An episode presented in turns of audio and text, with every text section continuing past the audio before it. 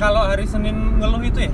Eh tapi nggak berani resign. Ya terus terus menurutku nggak harus tepat sih. Apa namanya? Eh, lulus kuliah tuh nggak menentukan kamu jadi apa nanti. Ya gak sih? That's true.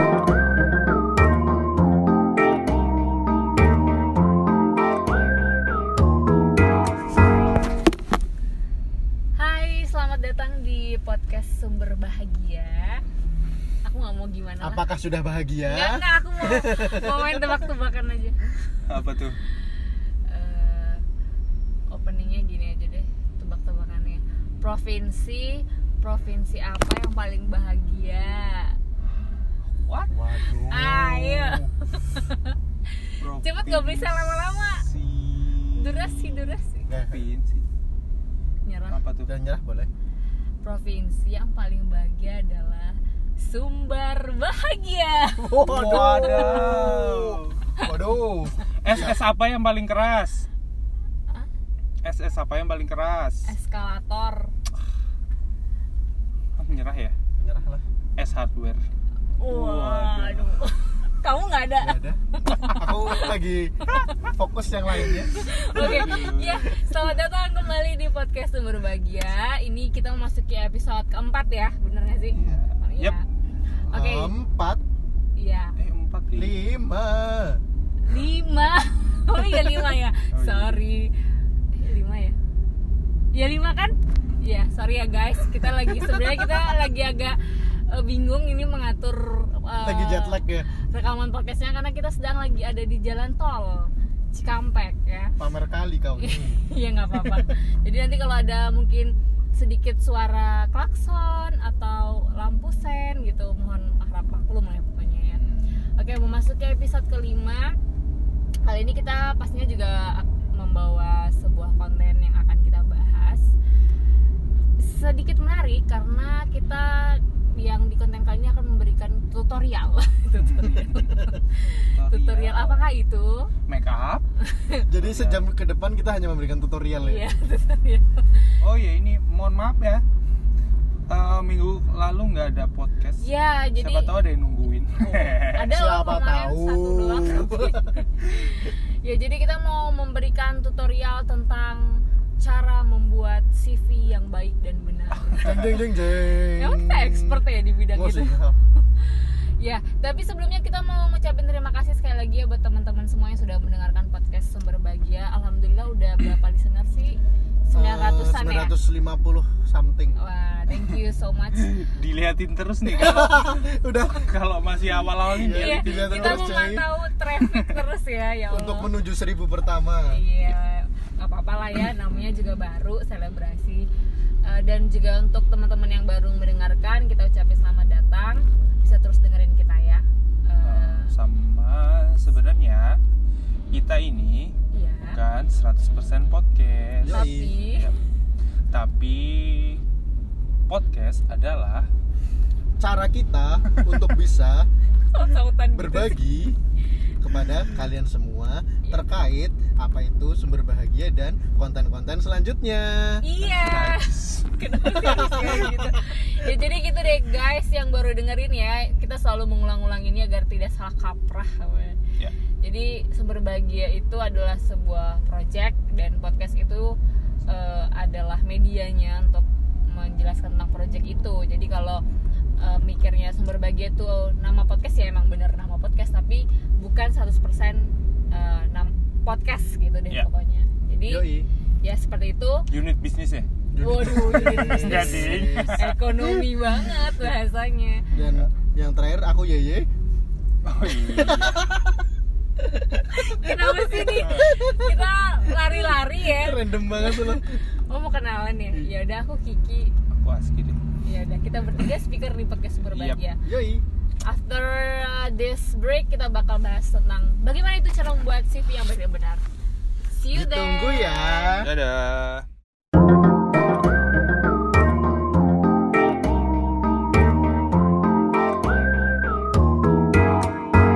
Ya balik lagi di podcast Sumber Bahagia. Eh, wah udah kilometer 39 Iya.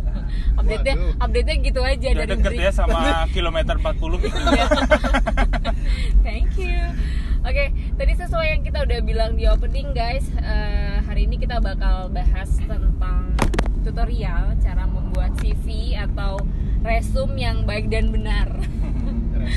Tapi itu mungkin eh, bisa dilihat di YouTube orang-orang aja, karena kita nggak mungkin ngejabarin di sini kali ya. Jadi kita mungkin mm, bakal menjelaskan atau menjelaskan membahas tentang isinya ya, isi dari CV tersebut yang akan kita omongin di konten kita kali ini. Jadi apakah isi CV itu sebenarnya? Nama, Nama pendidikan, TTL, MAFA, MIFA. Mafa Mifa apaan sih? Waduh. Oh, Kamu kecilnya ngapain, cuy? Oh itu biodata gitu ya? Makanan favorit, minuman favorit. Ya, kamu nggak tuh Kamu nggak binder pernah ke waktu kecil? binder ya? Ya Allah. Oh itu tren dari mana sih? Guys, Kayaknya di Dari Sumatera Jepang, nggak gitu Korea. deh. Eh, aku Enggak ya? terlalu menjustifikasi manusia. Aku rasis sih. dibully guys Padahal aku, Tapi itu dunia deh kayaknya. Kartu merah. aku Kartu merah. ngumpulin, nih. aku Maaf ngumpulin ya untuk orang-orang Sumatera yang tersinggung. Ya dia ngebully aku kok karena istrinya Dibully tapi Sumatera. dinikahin. Sedih Enggak, maksudnya tadi aku Kan aku bahasnya CV yang formal gitu loh kalau bahas Oh. lagi kerja Pesan nggak ada Mafa Mifa Iya. Kenapa tiba-tiba ada Mafa Kan Mifa itu- kan aku speechless CV kan biodata. Oh kamu dikirain Oh, kita beneran. ngasukin Mafa Mifa di sini. Kamu saking nggak pernahnya bikin CV sih nggak pernah kerja. Ya aku ibu rumah tangga Aku ibu rumah tangga, hidup ibu rumah tangga Eh di jalan jangan berantem. Oh iya benar. Mita mita mita mita. Oke. Jadi itu guys. Jadi eh, isi dari CV itu pasti kita sampai ke proses membuat CV. Aku pernah kali buat CV. Oh, pernah. Lo istri pernah lo. Sampai kita eh, di fase membuat CV itu pasti ada banyak perjalanan yang kita lewatin kan. Karena di situ juga ada eh, salah satu yang harus kita isi adalah pendidikan ya kan. Start from TK bahkan ada yang isi playground eh playgroupnya playground Pasti Oke. yang playgroupnya Iya mahal-mahal. tuh. playgroupnya apa gitu kan TK SD SD nya ada yang berapa kota gitu kan SMP sampai ada yang dua tuh yang nggak naik. aduh Enggak oh iya ya? Ya, gara-gara nggak apa-apa nggak naik tuh. nakal ya nah itu dia SD-nya kok 7 tahun gitu ya. ya jadi penjabaran dari CV itu kan sebenarnya itu adalah hal yang tertulis tapi untuk membuat atau menulis eh, apa yang kita tulis di dalam Kita CV melalui kita itu proses yang panjang. nah itu Makanya dia kita bahas cara tutorial membuat CV kan CV kan tentang konten di dalamnya kan sebenarnya. Yaps. Jadi CV adalah sebuah proses perjalanan Jadi bukan hidup. tekniknya ya. Bukan tekniknya. Kalau Kalau tekniknya teknik sebenarnya bisa pesan di aku sih. Wah, Aduh. siap, siap, siap. Banyak soalnya. Ini project colongan di Iya, dalam project project ini ya. Maaf Ini ada project di dalam project. Eh tapi nggak apa-apa. Nanti income-nya bagi Ya. kita kan. Ini kan promo ini sumber Ya, bagi. jadi deh bikin de- orang lain Oh aja jadi deh. jadi sumber bagi agensi. Waduh. Apakah sumber bahagia? Bukan bukan bukan jangan. Ya itu tadi ya. Next, Jadi banyak proses yang kita laluin eh, sampai kita bisa tulis segala sesuatu kita di CV kita itu.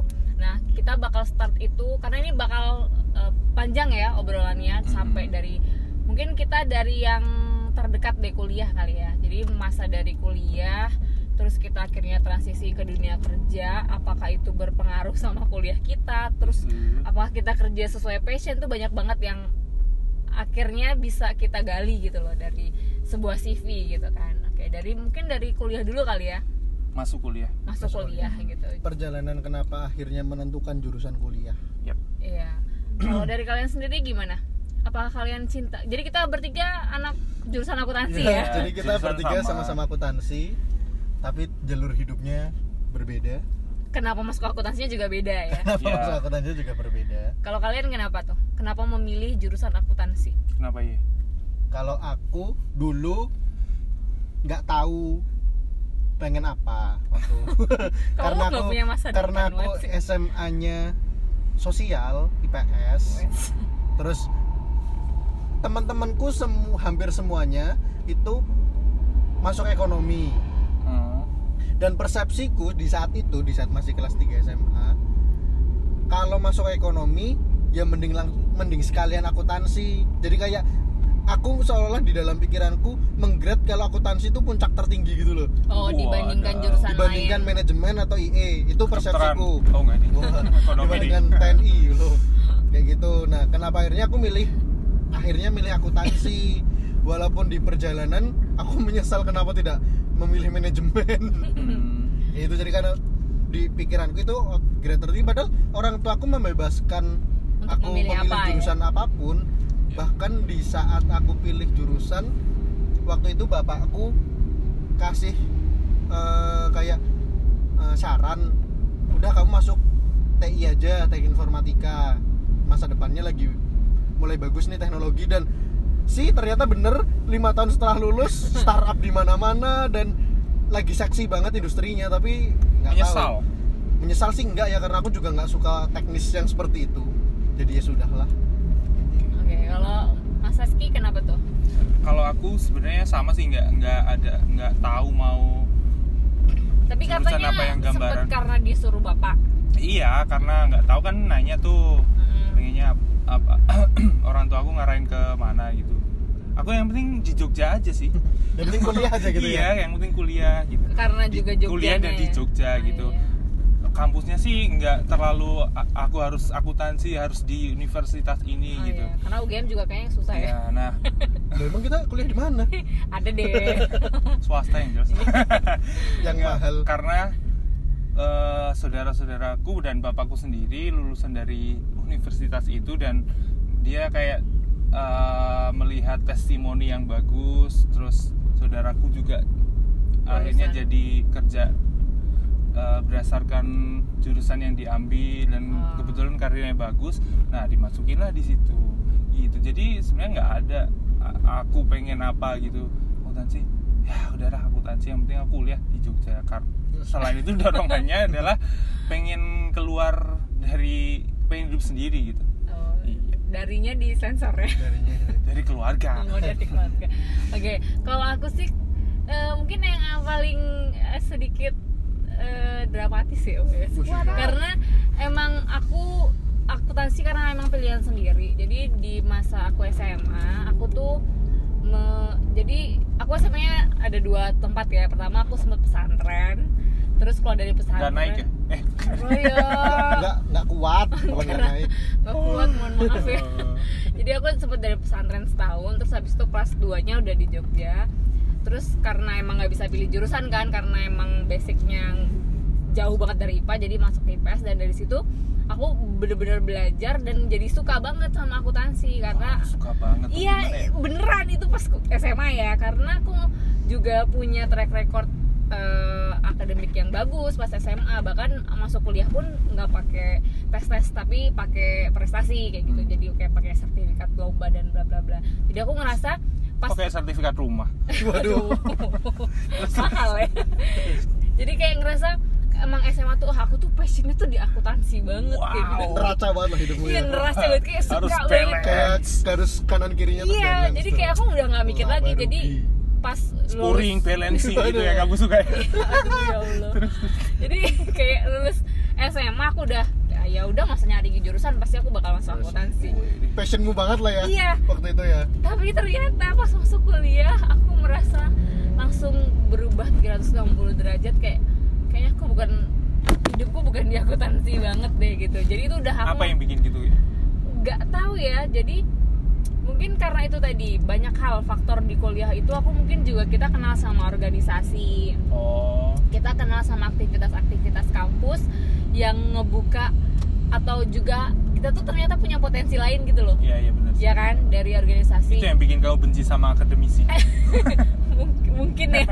Ya Allah aku, jadi- aku bener sih dulu kuliah sering bolos gara-gara organisasi. Mohon maaf ya. Mungkin totalitas sekali. yang denger nggak tapi emang bener sih uh, ada yang bilang uh, organisasi di atas kuliah gitu kan.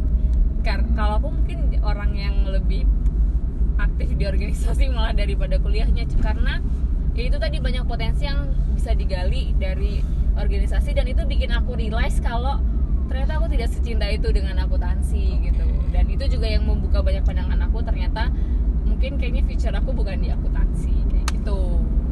Nah kalau kita ngomongin soal aktivitas perkuliahan ya organisasi dan segala macam. Menurut kalian itu ada nggak sih impact ke depan atau yang sekarang kita sekarang kita rasakan deh yang udah selesai dari dunia perkuliahan dan udah masuk dunia kerja itu ngebantu kah atau ternyata nggak there's nothing happen dan atau nggak ada hubungannya? Kalau menurutku ya beda-beda sih setiap orang. Kalau Nggak, udah ka- kalian pada basicnya ikut organisasi kan? Kebetulan iya. Kebetulan sama. Bareng ya kita. Aku Eh, juga Kan kan pernah beda. panitia kita. Oh ya aku pernah sama Mas Aski satu organisasi. Aku eh, pernah satu sama Aski juga organisasi. Aku sama kamu nggak pernah. Shut the fuck up! Oke. Kasihan banget. Eh, penting atau enggak ya? Eh, Iya. menurutku kalau dari personal basicnya udah jadi dari SMA atau Mhm. dari awal kuliah menurutku nggak perlu sih. Maksudnya kalau dia udah cukup pede cukup proper ap- eh, Ah. personalitinya sudah jadi menurutku nggak nggak nggak penting penting amat sih. Ikut kecuali organisasi. iya kecuali kalau kayak aku dulu orang gimana ya? Waduh, pendiam sekali bung. Pendiam pem dan pemalu.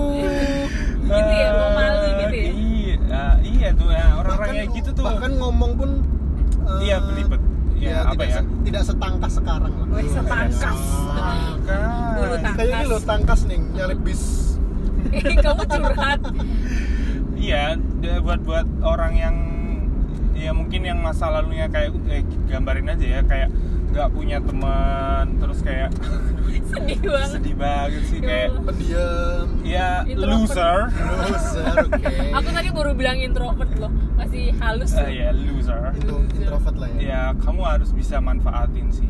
Eh, maksudnya harus ada rasa ingin berubah gitu. Maksudnya kalau kamu loser tapi kamu nyaman dengan itu ya nggak usah nggak usah ikut nggak apa-apa gitu. loser nyaman gitu. Loser dan ya mungkin. Nah, mungkin takut akan perubahan. Ya aku sih nggak pengen sih jadi itu terus. Jadi itulah pentingnya organisasi. Ya menurutku penting sih dari aku sendiri oke. Eh, kalau dari aku sih emang pembawaan personality gitu ya. Tapi kayak aku lihat ya beberapa case di, di teman-teman perkuliahan aku yang sama menitih organisasi bareng gitu yang kayaknya orangnya juga ya organisator banget yang kayak aktif banget. Tapi ternyata eh, di future-nya jauh berbeda sama yang di Hmm. perkuliahan. Karena itu tadi kan kalau udah masuk transisi ke dunia kerja tuh pasti bakal berbeda ya. Uh-uh. pilihan orang itu bakal itu tadi apakah kita tuh bekerja sesuai passion ataukah kita bekerja sesuai kebutuhan gitu kan. Ada yang pertanyaan gitu. Nah tapi untuk membangun personality kita menurutku penting sih organisasi. Kayak aku pribadi aku emang suka ngomong gitu ya. Maksudnya eh, emang ya bawel gitu ya. Tapi ternyata pas masa kuliah aku menemukan jati diri lain gitu loh. Jadi bisa MC gitu jadi public speaker eh, jadi humas juga gitu. Jadi ternyata ada potensi lain yang kita dapetin. Nggak yang cuma penting aktif ya iya yang penting aktif. Dan selain itu jelas teman banyak gitu kan. Gebetan pacar gitu kan. Itu bonusnya dari organisasi itu gitu. Jadi terkenal. linknya luas gitu jadinya. Iya.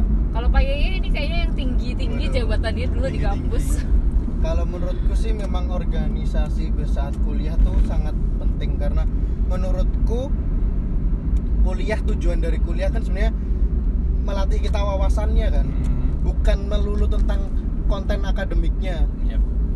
karena aku ngerasain sendiri aku pribadi yang jurusan akuntansi lulusnya kumlot sadar ini kan dan Wih. tepat waktu kumlot tapi ketika aku di ini nih ditantang sekarang untuk berakuntansi misalnya sama orang yang di saat kuliahnya nggak terlalu baik tapi sekarang jurusan akuntansi aku udah nol besar aku bahkan ditanya akuntansi dan sama sekali nggak ngerti sekarang Hmm. dan Terus? aku bersyukur di saat itu berorganisasi karena tujuan kuliah kan membuka wawasan pola pikir kedewasaan belajar attitude juga Ya. dan enaknya belajar di saat mahasiswa nih misalnya kita bikin event atau kita eh, ya bikin event aja Event. event oke. kita bikin event Autocorrect. Nah, correct selalu kita bikin event Oh, waktu iya. kuliah itu selalu dimaafkan oleh orang kalau oh masih mahasiswa Yep. jadi masa kita transisi belajar yang paling enak tuh proses saat mahasiswa sih waktu kita berorganisasi di mahasiswa gitu makanya aku sendiri nggak masalah kalau jurusanmu tidak tepat gitu tapi jangan sampai kamu nggak dapat apa-apa saat kamu kuliah Hmm. Hmm. yang membedakan orang kuliah atau nggak kuliah tuh sebenarnya itunya sih pola Iya, pikirnya tapi sebenarnya nggak harus melulu organisasi ya. Nggak Maksudnya kegiatan, Kegiatan. di luar tuh penting banget. Kayak aku nih eh, setelah organisasi terus eh, info aja aku kan kuliahnya lama. 6 hampir 7 tahun. nggak kayak aku ya 3,8 Iya, tahun Gak suka aku yang ria-ria kayak gitu sombong Iya, kan bener tapi seru tau 6 tahun tuh Eh, kayak aku telat karena aku ngambil kerjaan. Hmm, ada Ya kan? reason. Ya jadi aku kerja di satu coffee shop dulu. Nah sebenarnya ya itu yang tadi aku tekanin sebenarnya nggak harus organisasi. Carilah apa ya pengalaman di luar Hmm, gitu. hmm, dan menurutku nggak harus tepat sih. Apa namanya? Eh, lulus kuliah tuh nggak menentukan kamu jadi apa nanti Bener, ya gak sih that's true yang jelas Iya. makanya di saat kamu statusnya mahasiswa itu paling enak kamu bisa jadi apa pun mencari ya, jati diri jati diri lah jadi kamu yang penting itu ada kegiatan lain di luar kuliah gitu loh Hmm. kalau kamu kuliah cuman kuliah apalagi nggak ngapa-ngapain cuma di kos tuh kayak sayang umurnya sih kalau. Iya betul. Tapi ya tanggung jawab ya kuliah lama tuh juga jadi cibiran. ya karena kan yang ya again masih dibiayai orang tua. Tapi ya kalau kuliah cepet-cepet tar dikira nggak mampu. Waduh, Waduh, ya. kamu investor. Tapi nggak apa-apa ini jiwa-jiwa investor tuh udah kayak gitu tuh kayak Amin. sudah tertanam dalam dirinya. Nah, jadi kayak itu kayak memberikan kita pemikiran gitu ya. Kalau misalkan ya benar ternyata kuliah eh, dengan jurusan apa dan nanti endingnya jadi apa itu sebenarnya tidak harus related tidak harus tapi yang related pun ya it's okay gitu kan ya sangat oke lah kalau ya sangat oke apalagi kalau Enggak memang biasa aja. sangat oke lah emang kamu sesuai dengan jurusannya mohon enggak maaf maksudnya kalau orang misalnya gini nih ketertarikan akan IT sekarang dia Ah. kuliah TI kan dia sangat itu kan expert kuliah kuliah yang butuh teknis gitu loh Heeh, heeh. misalnya gue harus codingnya segala macam kalau dilatih dengan kuliah yang mumpuni kan pasti Sangat biasa menurutku. Iya sih. iya iya itu kan karena enggak orang-orang nerd gitu butuh kuliah cuy orang-orang enggak orang-orang teknisi yang teknis kayak Oh. gitu butuh kuliah Butuh di kuliah. bidangnya yang beneran kuliah Iya. Oke. gitu loh maksudku Oke, nah jadi kayak ya itu tadi kalau buat orang-orang yang masih ngerasa worry tentang uh, kalau nggak sesuai jurusannya ini gimana gitu ya. It's okay, okay. it's okay guys. Itu it's okay itu karena either kalau kalian bisa pindah silakan pindah ya nggak sih iya Ya, kalau masih awal-awal banyak gitu ya. Iya. terus kalau emang udah nggak bisa terus ya lanjutin aja kalian bisa masih bisa belajar tuh banyak kok jalannya Ah, ah, ah, bener-bener karena there's no Limit. words iya ada nggak ada limit nggak ada kata terlambat yang namanya juga kita apalagi itu tadi yang apa yang kita suka apa yang kita ternyata kita punya potensi lain kan nggak mesti sadar di Iya. depan kan. Belakangan siapa tahu aku mungkin nanti ke depannya jadi chef kan? Karena masakin suami terus tiap hari. menemukan passion baru iya gitu nah itu yang aku maksud. Karena kita kita nggak ngerti gitu loh. Uh, ternyata tuh kita punya potensi apa dalam diri ini dan Yep. nggak ada salahnya sama sekali mencoba dan mencari tahu sebelum terlambat juga sih nanti daripada kalian udah kadung kan? Kuliah kan proses belajar kan? Nah belajarnya bukan kuliah itu. bukan cuma akademik.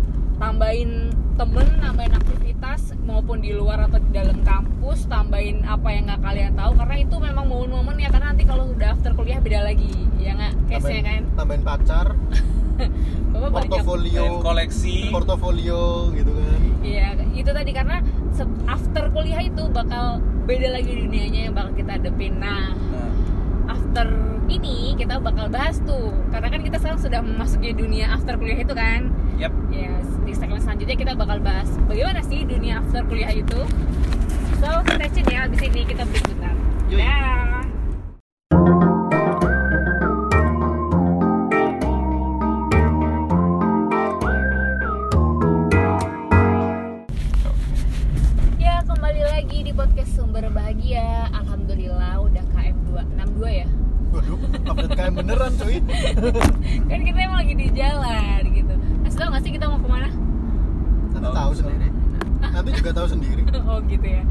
Dan dikasih tahu kalau kita mau ke Jogja. Oh iya jangan Waduh. ya.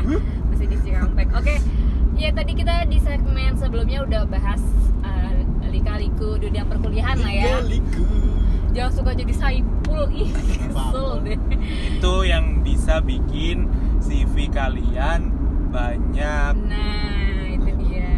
Kan makanya orang kan pengennya pamer CV kan Nah kalau CV, kalau kamu nggak ngapa-ngapain lah di CV mau ditulis apa Oke. Nah, tapi CV itu kan digunakan buat melamar kerja nih ya, gitu kan.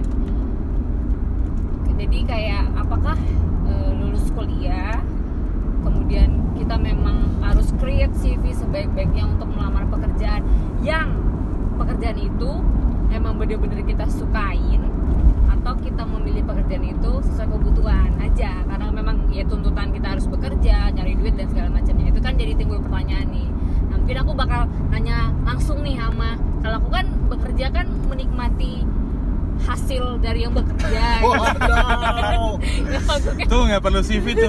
ya kan aku nggak perlu CV yang penting udah di prospek bagus gitu kan udah terima aja kalau Bang Pak Yeye kan udah eh, ini kan yang sudah menjalankan secara real kan apalagi di pekerjaan di perusahaan BUMN gitu kan. Gimana Pak? CV-nya kemarin gimana kan memang CV ku kan lumayan eh, membuat perusahaan-perusahaan itu tertarik Anjir, Lumayan. najis banget orang ini. Terus terus secara CV-nya loh Oke, oke. lagi kamu CV bisa kan? menilai emang HRD bilang gitu enggak maksudnya secara CV ya tapi buktinya keterima sih. Iya Oke sih. lah. oh iya benar ada buktinya ya sebenarnya di situ kan Ya. Kira ada klaim dari HRD nya Iya, CV kamu enggak. menarik enggak banget maksudnya kan Kalau menarik aku bisa secara visual. tapi- Wah. Iya. Terus terus. Kok banyak orang sombong di sini pemirsa biasanya ketertarikan akan CV kan mungkin orang-orang yang kerja Enggak ini apa sih eh looknya atau isinya? isinya Nah, makanya ini gitu orang-orang orang-orang yang biasa bekerja atau yang pernah interview gitu ngerti lah rasanya kalau CV-nya kosong dalam artian ditanya nih kamu kuliah ngapain aja nggak pernah ngapa-ngapain kan ya udah aja gitu loh Oke. nah kalau misalnya ditanya Skip kali ya? ya langsung bingung sendiri kan nah kalau misalnya kamu kuliahnya jelas ngapa-ngapain banyak kegiatan jelas tuh ditanya interviewer bisa explain dengan gamblang dan mungkin sedikit bangga kalau masa kuliahku tuh berguna loh gitu. Iya. at least kayak gitu Berguna. berguna at least kan tujuannya sebenarnya CV kan biar kita diterima kerja kan udah gitu Iya. masalah.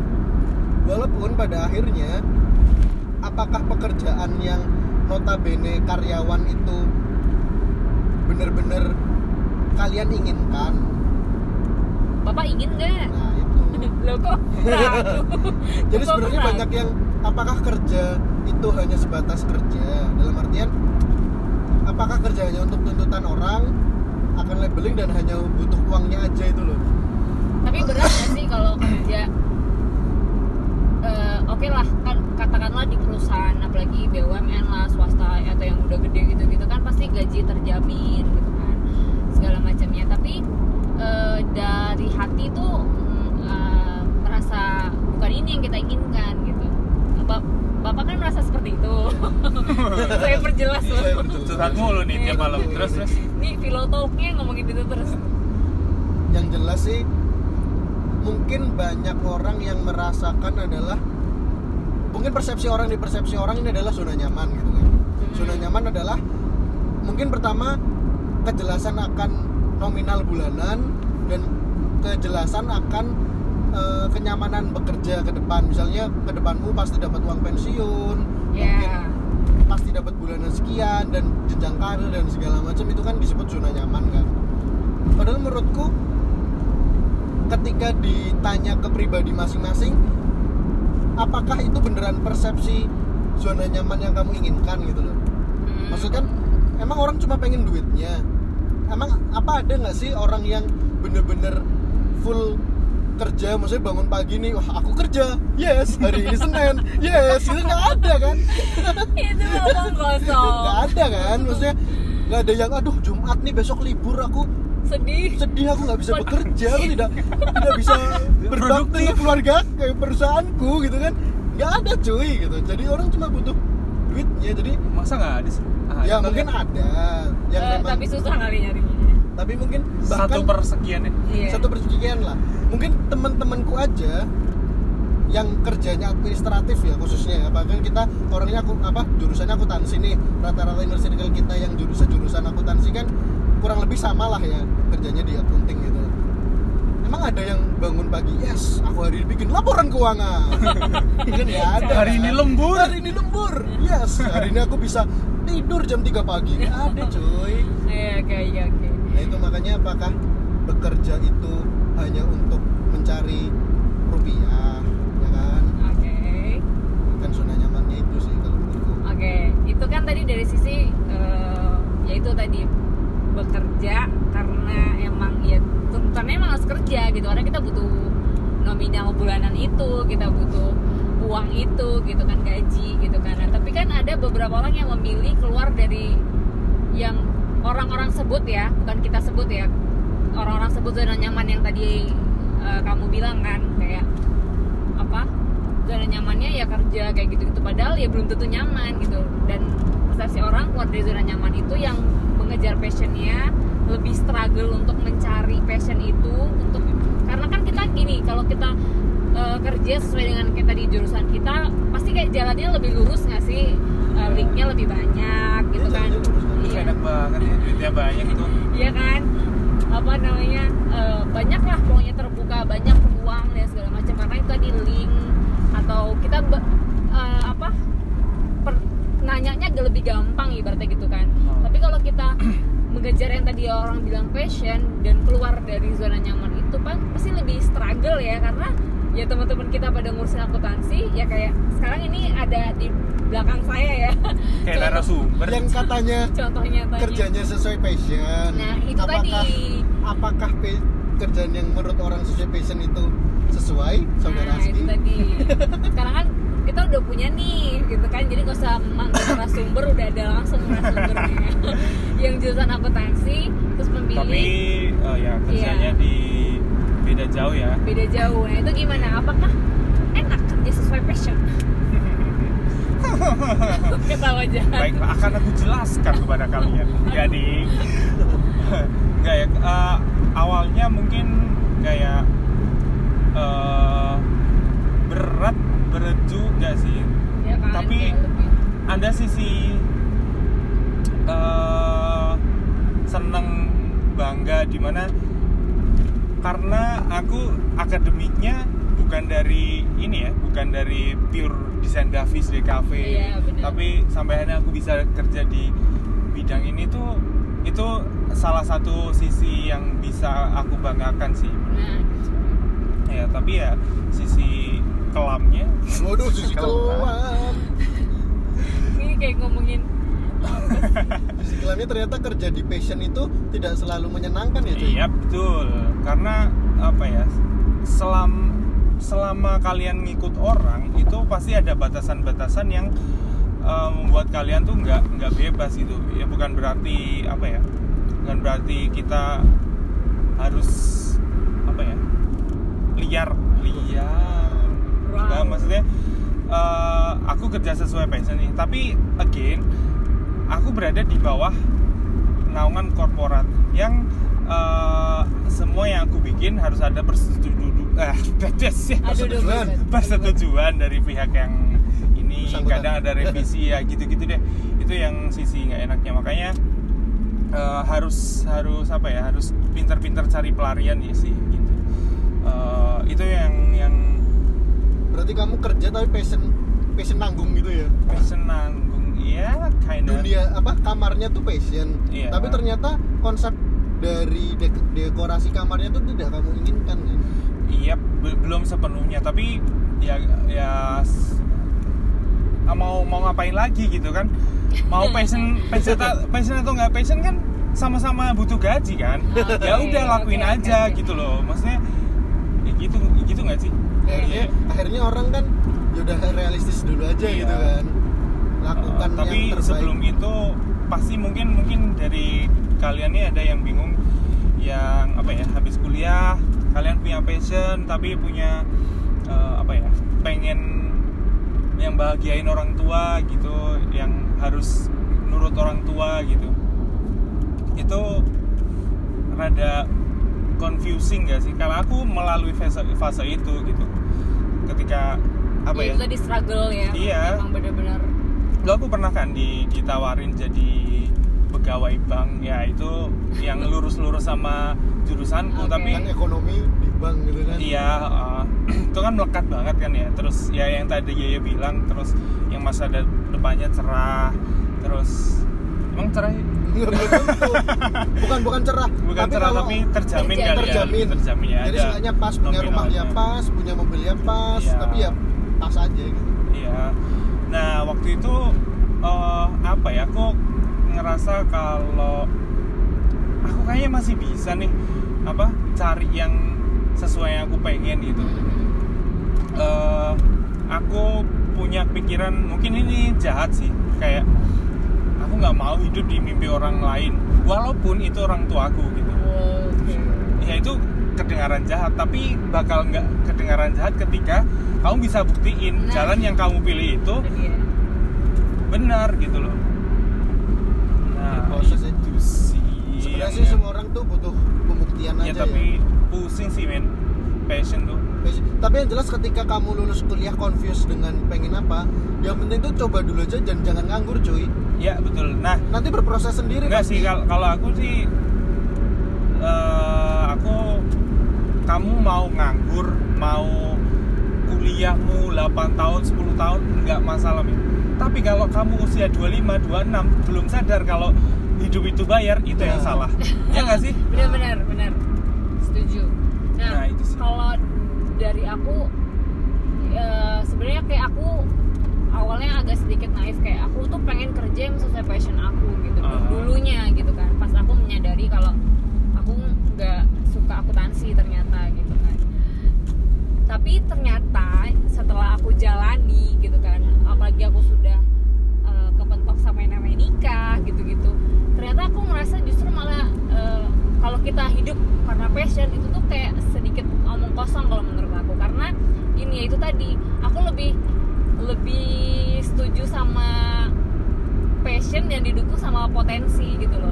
Kalau kalian emang ngerasa passion kalian anggaplah misalnya eh, kayak eh, desain lah kayak Mas Aski gitu ya.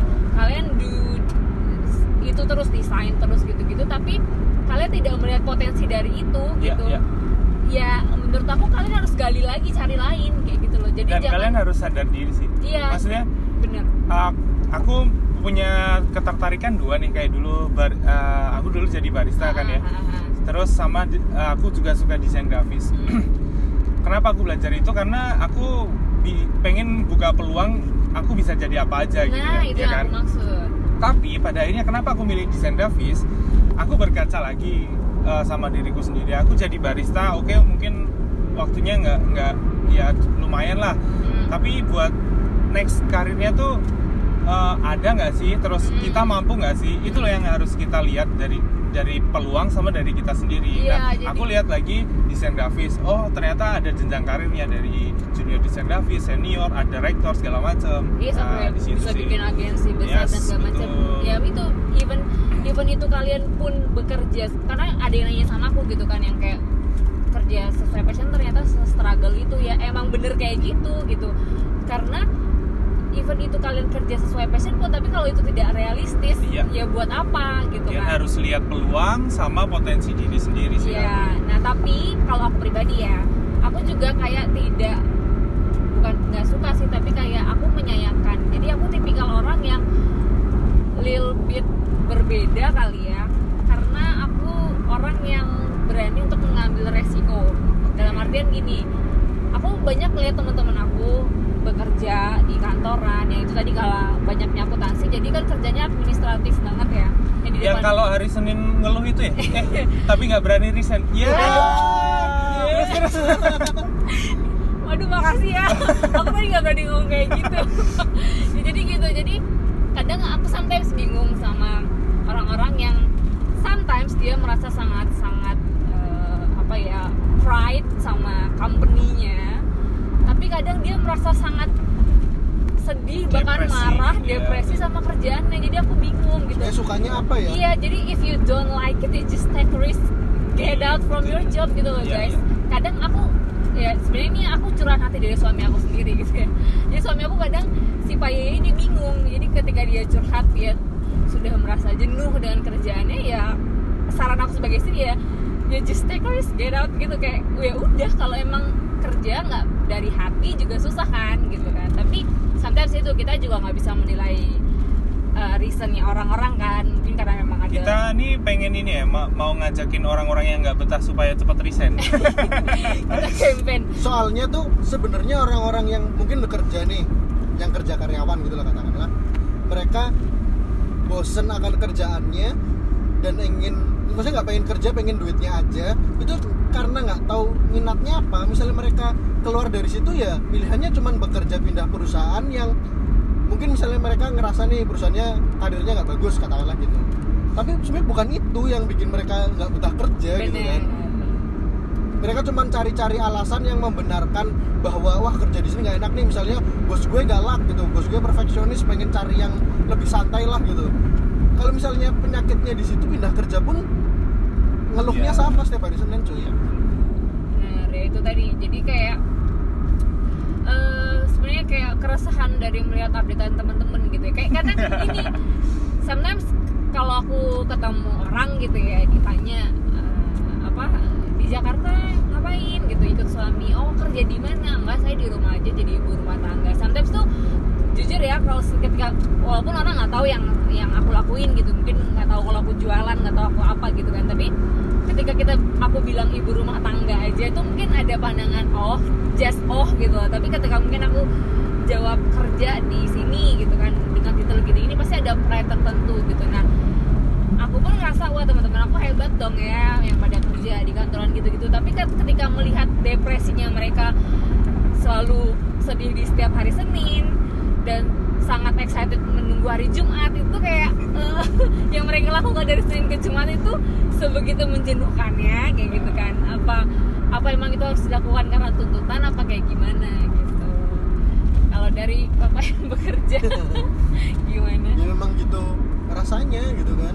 Orang yang bekerja sebagai karyawan tuh nggak tahu ya sebenarnya kayak akhirnya mereka lama berada di situ min orang-orang yang lama bekerja karena memang nggak ngerti mau ngapain lagi gitu. Kebutuhannya cuma akan hidup akan uang bulanan yang dicukupi dari situ gitu. Jadi sebenarnya memang setiap orang kan seharusnya punya mimpi kan. Punya mimpi akan dan setiap orang harus tahu mau dibawa ke mana sih dirinya sendiri. Kalau tiap hari cuman ngeluh atas sesuatu dan tanpa solusi ya ngapain cuy gitu. Maksudnya ketika ada problem kamu harus cari solusinya nih. Masalahnya di mana? Gitu nggak sih? Iya sih. Ya tapi juga yang kerja menurut minatnya juga ngeluh juga bukan berarti yang Iya, ini ya. maksudnya jadi. ngeluhnya apa coba? Kalian Apa? tahu nggak? Apa? Anjing kenapa nggak jadi akuntansi? Accounting aja gitu. Nggak punya duit. Nggak di. Ya Iya. tapi ya bisa lah cari duit asal kalian tahu potensi sama kesempatannya Nah, tuh. itu dia, duit mah creativity cuy. Ya gitu sih Iya. nggak nggak tentang kantoran Eh, tapi ke- eh, tapi buat kalian yang emang udah kerja di kantor itu nggak masalah ya. Ya nggak Ya kan? masalah. Ya nggak masalah. Cuman aku kadang agak sedih aja sih lihat updatean kalian. Cheer up guys. Semangat. Maaf.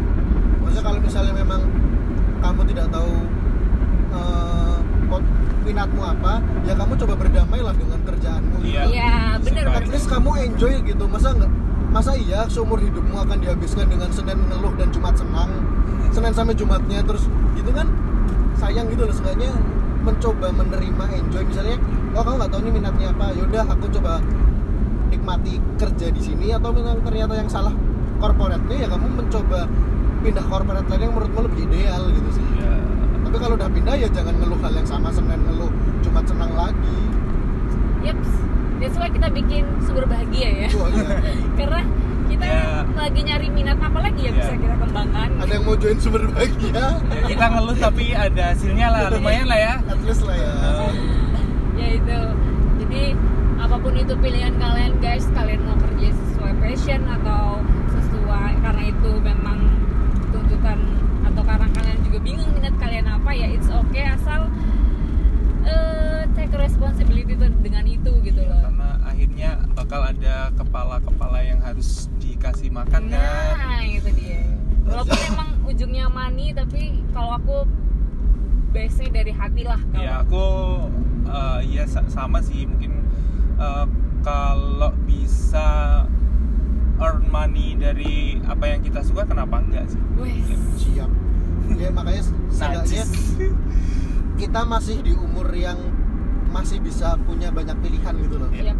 kalau misalnya mungkin nanti di usia udah kepala tiga gitu kan bingung nih mau resign tanggungannya banyak gitu kan. Sebenarnya tanggungannya diri sendiri ya kamu harusnya bisa ngelit dirimu sendiri sih.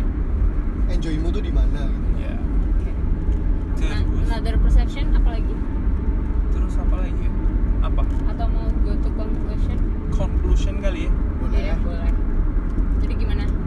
Bapak dulu lah bapak bapak apa ya kita update dulu IKM 94 lumayan loh dari kita opening segmen Jadi ini ini 62 conclusionnya adalah apa pun kerjaanmu apa pun pilihan hidupmu katakanlah kamu kerja oh, bukan. dengan kamu kamu karyawan ya kamu ketika kamu ngeluh dengan kerjaanmu saat ini kamu coba cari tahu minatmu nih dan coba take risk dan ketika kamu misalnya nggak nemu nih ternyata minatmu setelah dicari ya jadi karyawan itu dengan kenyamanan kerja ya kamu coba berkompromi lah dengan dirimu harus enjoy dengan menjalani hidupmu masa menjalani hidup dengan tidak enjoy gitu kan nah Iya. ketika kamu mencoba lagi berdarah-darah nih membangun passion semangatlah karena Emang eh, berat. emang berat tapi kamu kan lagi merajut untuk mimpimu sendiri kan? Ya. nah, pasti semua yang berat tuh endingnya pasti lebih bagus kok ya. Luar biasa. Oh kalau aku ya kalau aku ya sama aja sih berat eh, mungkin ini inti dari semuanya tuh lebih ke bersyukur kali ya. Tentang apa pun itu yang kalian jalanin tentang apa pun itu yang kalian lagi kejar ya kalau bisa em- eh, kita tuh sudah di fase usia yang udah nggak muda lagi yang dalam artian eh, terlalu labil dalam memilih A dan B tapi kita sekarang udah di usia kita emang choose apa yang emang hati kita pengen Iya. apa yang emang kita rasa kita bisa untuk ngeraih itu ya don't be afraid just take a risk dan itu tadi dari semua apa pun itu entah kita bekerja jadi karyawan sesuai passion ataupun apa pun itu bidangnya asal itu dari hati pasti jalannya lebih mulus dan yang kita butuh itu cuma satu sih pembuktian gitu loh. Aja sih Om. ada lagi? Ada Ya, boleh. Aku mau eh, mungkin mau ngerekap setiap fase ya. Maksudnya eh, dari kuliah tuh kalau dari aku eh, jangan cuman kuliah kali ya. Maksudnya cari kegiatan yang ya nggak harus organisasi lah. Sebanyak banyaknya karena apa? Setiap, eh, setiap kamu eh, belajar sesuatu yang baru itu bakal bukain satu pintu karir di depan. Oh iya benar. Itu. Terus kedua kalau ya itu sih kamu mau kuliah kuliah lama mau nganggur terserah bodo amat. Kalau again ya 25 26 nggak tahu hidup itu harus bayar tuh Nah, itu tuh. aneh sih. Aneh sih masa mau cinta Ya kan? terus kan? Mm, terus buat yang apa ya? Yang kerja mau passion mau enggak? Mau non passion. Mau non passion dan ah udahlah itu kerjain aja terus apa ya? Eh, lihat potensi agi- lagi eh, kalau mau kerja yang nggak ada bekalnya nggak ada bekalnya itu gimana ya? Nggak sesuai jurusannya kan nggak ada bekalnya tuh. kayak aku tuh kayak harus harus lihat peluangnya nanti kamu eh, jadi apa bakal jadi apa aja Eh, lihat potensi kamu tuh kamu udah mampu belum kalau kamu eh, mau ambil jalan yang aneh ini? Yang sedikit terjang lika-liku ya. Ya gitu-gitu Kenapa sih. bahasanya pada kayak gitu sih? Ya udah kali ya. Gitu ya kali ya. Semoga eh, di episode kelima benar ya Iya benar benar lima lima. kelima ini tutorial cara membuat CV kita me- sedikit memberi pencerahan buat kalian dan Iya semoga CV CV kalian indah dan penuh. Iya, penuh dengan cerita bermakna Iya. Allah ya Allah. Ya mungkin itu aja sih dari kita bertiga. Oh iya. kita nggak maksud menggurui ya karena Iya, kita di karir tuh baru seuprit deh, baru Seuprit. awal banget. Dan kita baru start lagi ya. Kita cuman sharing pengalaman buat teman-teman mungkin yang mau follow Instagram kita bisa ya di Oh ya aku baru resign. waduh siap Oh iya, kenapa nggak dibahas dari tadi ya? harusnya dari tadi loh itu bahas desain tapi ya udah Tapi itu bakal di ada next Ada nanti ya, bahas nanti. tentang- Kenapa resign dan kenapa kenapa aku juga mungkin iya iya. Dan saya tetap jadi ibu rumah tangga. Kayak berubah. Mau resign gimana tuh ibu rumah Saya- tangga? bahaya oh Jangan dong. Sedih nggak kalau aku resign? Sedih ya. gitu bilang cepet Nanti sedih. berantem mereka. ya pokoknya bisa di follow Instagram kita di @sumber underscore bahagia dan email mungkin ada yang mau kritik, kritik mau saran, atau mau atau share mungkin punya tutorial cara bikin CV yang baik beneran ya bisa di email ke mana pak? di sumber eh sorry sumber di podcast.sumberbahagia@gmail.com Ya, Ya, kalau ada yang mau bikin CV, ada di as eh, Ya, dia soalnya udah jobless soalnya. sibuk-sibuk. biar sibuk bikin portofolio baru cuy Ya, Oke, ya itu ya. Thank you yang udah mendengarkan. Semoga perjalanan kita lancar doakan ya. Amin. Bye. oh iya eh, buat yang bye? dengerin di Apple Podcast minta tolong waktunya buat review dong apa yang kamu suka dari konten kita ini Oh, sumber oke. bahagia biar kita juga tahu nih kritik saran juga boleh di situ Di Instagram juga boleh ya. di Instagram juga Kalau boleh ada yang quote-quote yang disukain, Ya, ayolah minta tolong waktunya kasih lah ya. kita. Jangan lupa mention. Kita aja. Eh. Nanti kita repost deh. Oh, iya. Nggak kita nggak kita sensor deh namanya biar kalian bisa diliatin. Ya, kalau malu-malu dikit ya kita kasih sensor lah Oke, kita Oke, aja. cukup Oke, kita lanjutkan perjalanan ini yang masih panjang. udah 103 Sampai jumpa lagi di episode selanjutnya. Dadah. Thank you, thank you, thank you.